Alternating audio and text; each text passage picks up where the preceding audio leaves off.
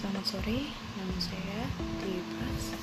Saya lahir dan besar di Jakarta dan sekarang berdomisili di Yogyakarta. Eh, lulusan sastra Indonesia di Universitas Gajah Mada.